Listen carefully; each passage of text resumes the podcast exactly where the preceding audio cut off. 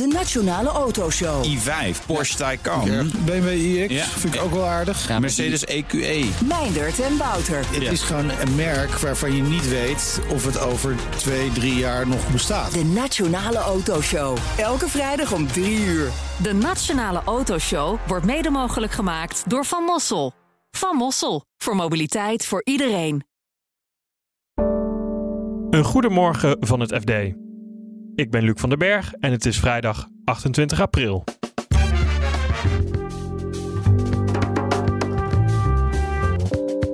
De belasting in box 3 verandert, behalve voor beleggers in aandelen en vastgoed. Nou ja, vorig jaar is een slecht beursjaar geweest en de, de, de huizenprijzen dalen. Dus de rendementen op vastgoed die zijn, eh, en op aandelen zijn vorig jaar niet goed geweest. En daar gaat de staatssecretaris echter nog niks aan veranderen. Griekenland lokt de rijken, maar raakt eigen talent kwijt. Kijk, die statistieken die zijn prachtig. Laat ook zien dat het beter gaat met Griekenland. Maar een heleboel problemen die er waren, die zijn ondanks al die hervormingspogingen helemaal niet opgelost. Dit is de dagkoers van het FD. De rechter bepaalde in 2017 dat de manier waarop de vermogensbelasting werd geheven tegen Europese regels is. En daarom moest er een overgangsregeling komen. Maar nu gaat het kabinet die overgangsregeling weer aanpassen. Belastingredacteur Laurens Berendsen legt uit wat er gaat veranderen. Geld dat huiseigenaren in, de, een onderhoudspotje hebben zitten van een vereniging van eigenaren. Als je bijvoorbeeld in een appartementencomplex woont. Dat geld dat, eh, dat viel tot nu toe onder overige bezittingen. En dat wordt nu ondergebracht bij banktegoeden. Nou ja, en voor overige bezittingen, daar rekent eh, de fiscus met een heel hoog verondersteld of fictief rendement. Waarover je belasting moet betalen. Voor vorig jaar is dat bijvoorbeeld 5,5 procent. Terwijl bij banktegoeden is dat veel lager. Ik meen dat het voor vorig jaar net iets meer dan 0% is. Omdat vorig jaar de rente ook heel laag was. Dus dat is een verandering. En hetzelfde geldt ook voor geld dat, eh, dat mensen in een derde rekening bij een notaris hebben zitten.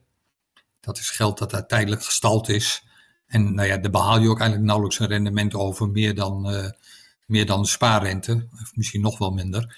Dus dat gaat nu ook naar, eh, naar de categorie banktegoeden. Ja, er was eigenlijk het meest te doen om de veronderstelde rendementen op effecten en vastgoed. Wat gaat staatssecretaris Van Rij daar dan nu mee doen? Ja, daar, daar, daar was de laatste tijd veel over te doen. En dat komt vooral omdat, eh, nou ja, vorig jaar is een slecht beursjaar geweest. En de, de, de huizenprijzen dalen. Dus de rendementen op vastgoed die zijn, eh, en op aandelen zijn vorig jaar niet goed geweest. En op vastgoed waarschijnlijk dit jaar ook niet. Daar gaat de staatssecretaris echter nog niks aan veranderen. Want hij zegt van ja, we houden voor die categorieën vermogen, houden we toch vast aan het meerjarig gemiddelde. Dus daar tellen we de slechte en de goede jaren bij elkaar op. En dan komen we uit op een gemiddeld rendement.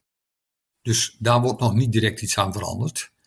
Wat hij wel voorstelt, tenminste waar hij aan denkt en een suggestie doet, is om uh, vastgoed en effecten, dus aandelen en obligaties, om die uit elkaar te halen.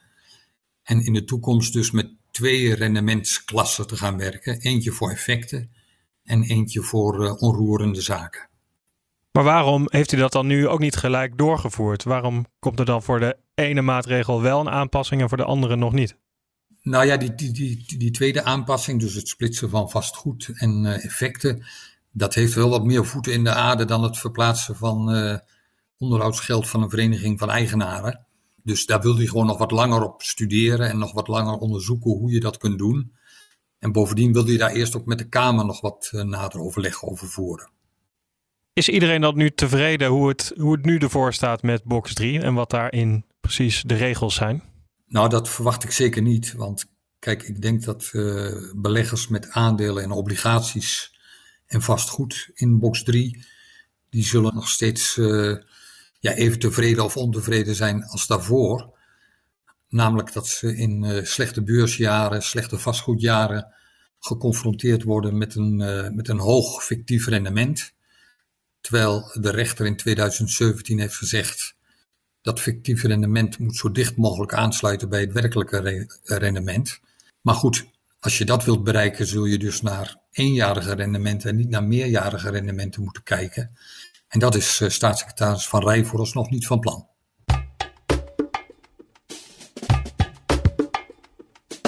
Als je door Athene loopt, zie je nog wel heel veel verwaarloosde gebouwen. Maar er wordt ook alweer weer het een en ander uit de, uit de grond gestampt. En een van de de meest prestigieuze projecten is bij het uh, oude vliegveld van Athene, waar, uh, waar een gigantisch project wordt, uh, wordt gelanceerd ter waarde van 8 miljard. Zeer, zeer ambitieus, mogen we wel zeggen. Dit is redacteur macro-economie Marijn Jongsma. Hij was afgelopen week in Griekenland en zag daar hoe hard de Grieken werken om uit het dal van de schuldencrisis te klimmen. En als je alleen naar de cijfers kijkt, gaat dat verrassend goed. Dan blijkt klip en klaar dat Griekenland bijvoorbeeld in het vierde kwartaal van vorig jaar op Ierland na de hardste groeier was van de eurozone. Dus ja, het land groeit harder dan het, uh, fors harder dan het gemiddelde in de eurozone. Dus nou ja, dat is een duidelijk teken dat we het dal klimmen. Tegelijkertijd worden ze natuurlijk ook wel een beetje geholpen door de inflatie. Zakt de, de staatsschuld uh, zakt behoorlijk. Ze komen al eerder dan verwacht komen ze weer op begrotingsevenwicht. En, en de komende jaren willen ze een begrotingsoverschot hebben is ook een teken dat ze hun huishoudboekje hè, van de staat zeg maar, op orde hebben. Er komt natuurlijk bij dat ook de directe investeringen in het land zijn aangetrokken. Dus er wordt er weer meer geïnvesteerd in Griekenland. En wat ook een belangrijke rol speelt, is dat de geld uit het Europese corona-herstelfonds, dat heel veel daarvan naar Griekenland gaat, opgeteld iets van 31 miljard. Dus als percentage van de economie is er geen land in de eurozone dat zoveel ontvangt uit dat fonds als Griekenland. En wat gaan ze met dat geld doen? Dus ze willen eigenlijk dat, dat de economie gewoon op gang komt in termen van bedrijvigheid. Hè? Dus ze mikken op allerlei sectoren die kansrijk zijn. Logistiek. Athene is natuurlijk ook een belangrijke havenplaats met Piraeus. En nu Rusland uh, ja, ontkoppeld is, om het zo maar te zeggen. Vinden ze zelf ook dat ze geopolitiek gezien in een soort gunstiger positie zitten. Hè? Dus ze zijn een hele belangrijke toevoerhaven in een veilig gebied, zeg maar, voor Europa dat speelt een rol. Ehm, ze hebben grote ambities op het gebied van duurzame energie. Ze hebben natuurlijk veel wind en veel zon. Dus die combinatie is ideaal. Betekent wel dat er veel meer nog in het elektriciteitsnet moet worden geïnvesteerd. om die stroom überhaupt ergens heen te krijgen. Daar zijn enorm achterstallig, uh, ja, dus een achterstallig netwerk. Dus daar moet in geïnvesteerd worden.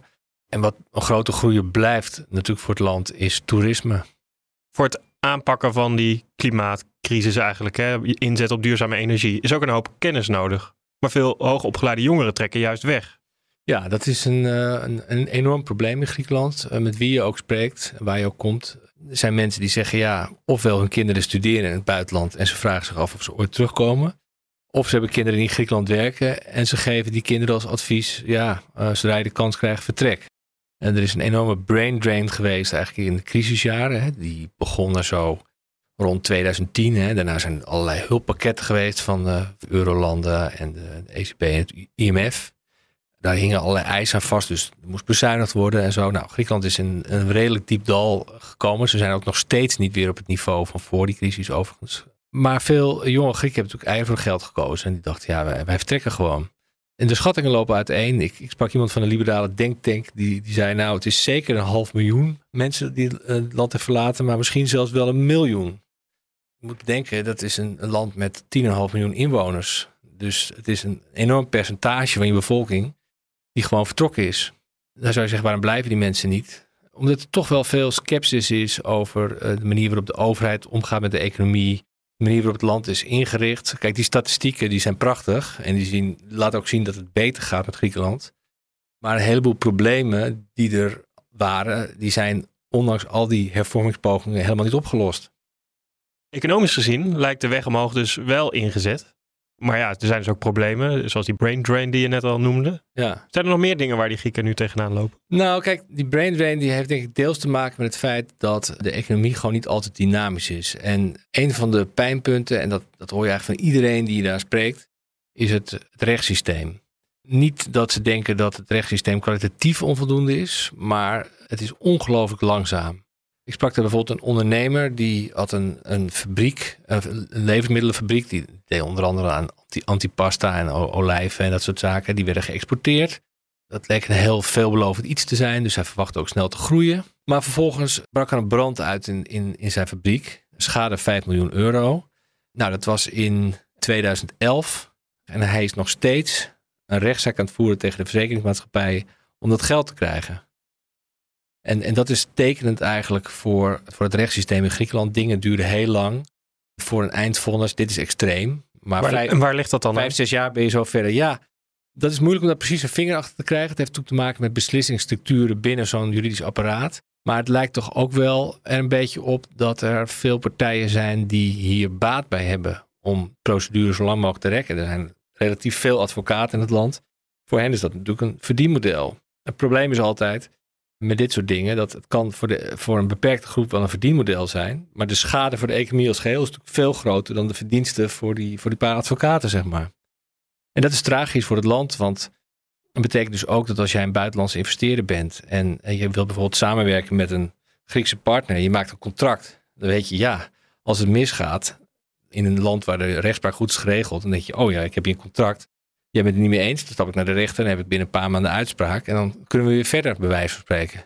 Maar in Griekenland is dat dus niet het geval. Dat kan jaren duren. Dus wat heb je dan nog aan het contract?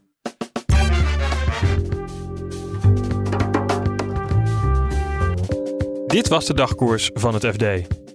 Maandag zijn we er weer met een nieuwe aflevering. En in de tussentijd volg je het laatste financieel-economische nieuws in onze app. Voor nu een hele fijne dag en graag tot maandag.